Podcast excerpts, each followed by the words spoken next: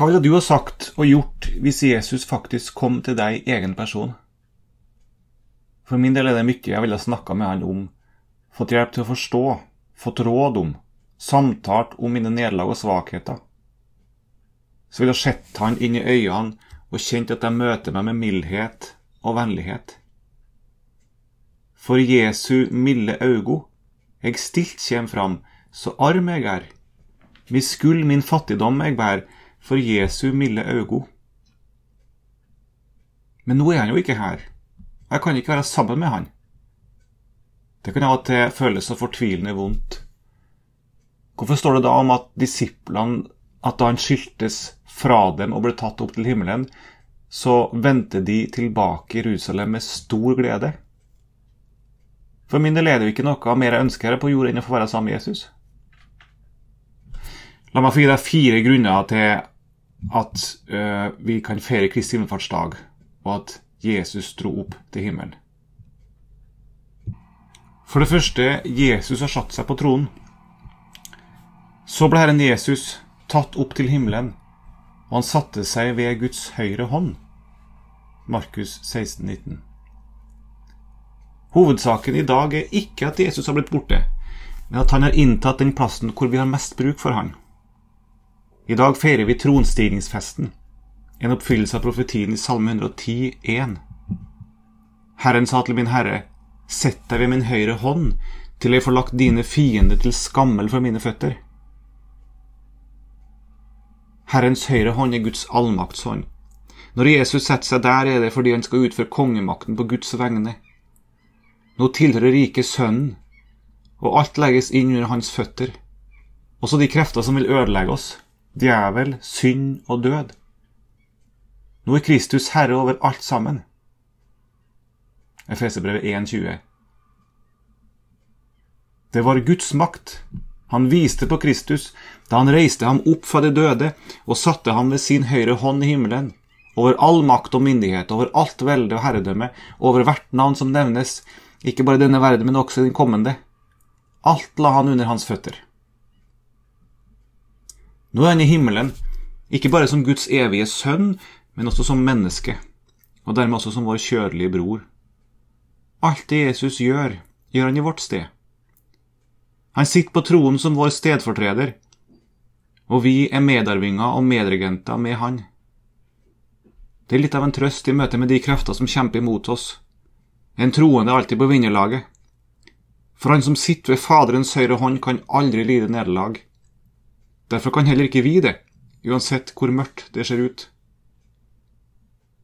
Ei burde jeg da gå og sørge, jeg er en mektig konges brud, skjønt tvil og vantro vil meg spørre, hvor er din høyhet og ditt skrud? I februar 2015 fanga IS 21 kristne egyptiske gjestearbeidere i Libya. De fikk valget mellom å fornekte Jesus eller dø. Alle valgte døden. Deres martyrdød ble filma for å skape frykt blant egyptiske kristne. IS kunne ikke tatt mer feil. Men hva tenkte de sjøl da de satt bundet på kne foran sine bødler? Kjente de seg som vinnere? Men med Jesu navn på sine lepper ble døden til seier for dem. For våre øyne ser det ofte ut som om vi taper, men troen ser forbi det synlige og til Guds løfte. For det andre for å åpenbares for vår skyld. For Kristus gikk inn i selve himmelen for nå å åpenbares for Guds åsyn for vår skyld. Jesus gjelder mitt sted for Gud, og nå er Jesus alltid for Guds ansikt. Når Far ser på Kristus, så ser han meg i sin sønn.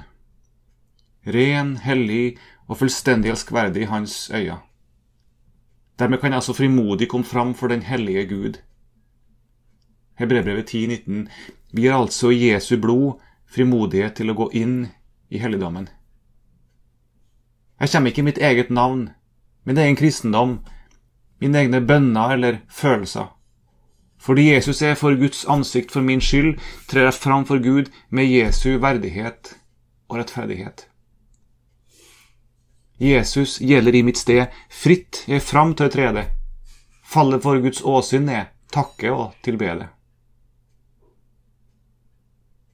For det tredje for å gå i forbønn. Kristus er ved Guds høyre hånd, som også går i forbønn for oss. Jesus sitter ved Guds høyre hånd som fullt og helt menneske. Han er virkelig en av, en av oss som har erfart på kroppen hva det er å være menneske. Han kan derfor så inderlig godt forstå oss. Nå sitter han der for å gå i forbønn for oss. Ja, det er det han nå lever for. Hebrevet 7,25. Derfor kan han også fullkomment frelse dem som kommer til Gud ved ham, da han alltid lever for å gå i forbønn for dem. Og framfor alt er han vår talsmann for Gud, vår fars ansikt, når vi har falt og gjort galt. 1. Johannes 2,1. Dette skriver jeg til dere for at dere ikke skal synde. Og hvis noen synder, har vi en talsmann hos Faderen, Jesus Kristus, den rettferdige. Jeg har en bror som ved Guds side vet om min sak og ber for meg. For det fjerde for å være nær. Jesus har inntatt den plassen hvor jeg trenger han mest, og samtidig er jo Jesus ikke langt fra meg. For Filipperød 4 sier 'Herren er nær', og Salme 139 bakfra forfra omgir du meg. Så er han jo også hjertet mitt. Om noen elsker meg, skal vi komme til ham og ta bolig hos ham, Johannes 14. Kristus lever i meg, Galaterbrevet 2. For Jesus dro bort for å gi oss Den hellige ånd, slik at han ved ånden sjøl kunne flytte inn i hjertene våre og undervise oss om alt Jesus har sagt oss. Men talsmann, Den hellige ånd, som Faderen skal sende i mitt navn, han skal lære dere alle ting, og minne dere om alt som jeg har sagt dere. Johannes 14, 26. Herren har fysisk forlatt vår jord, men han er altså samtidig alltid her hos meg. Likevel lengter jeg etter å høre stemmen hans. Ofte spør jeg, hvor er du, Jesus? Da minner Ånden meg om hvor jeg finner han. Si ikke i ditt hjerte, hvem skal fare opp til himmelen, det vil si for å hente Kristus ned? Eller hvem skal fare ned i avgrunnen, det vil si for å hente Kristus opp fra det døde? Men hva sier den? Ordet er det nær, i din munn og i ditt hjerte. Det er troens ord, det som vi forkynner. Rombrevet 10.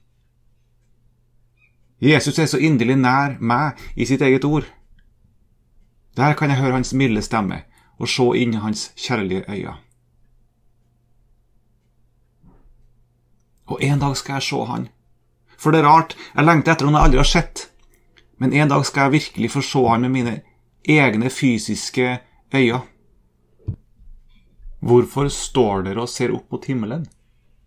Den Jesus som er tatt opp fra dere til himmelen, skal komme igjen på samme måten som dere så ham fare opp til himmelen.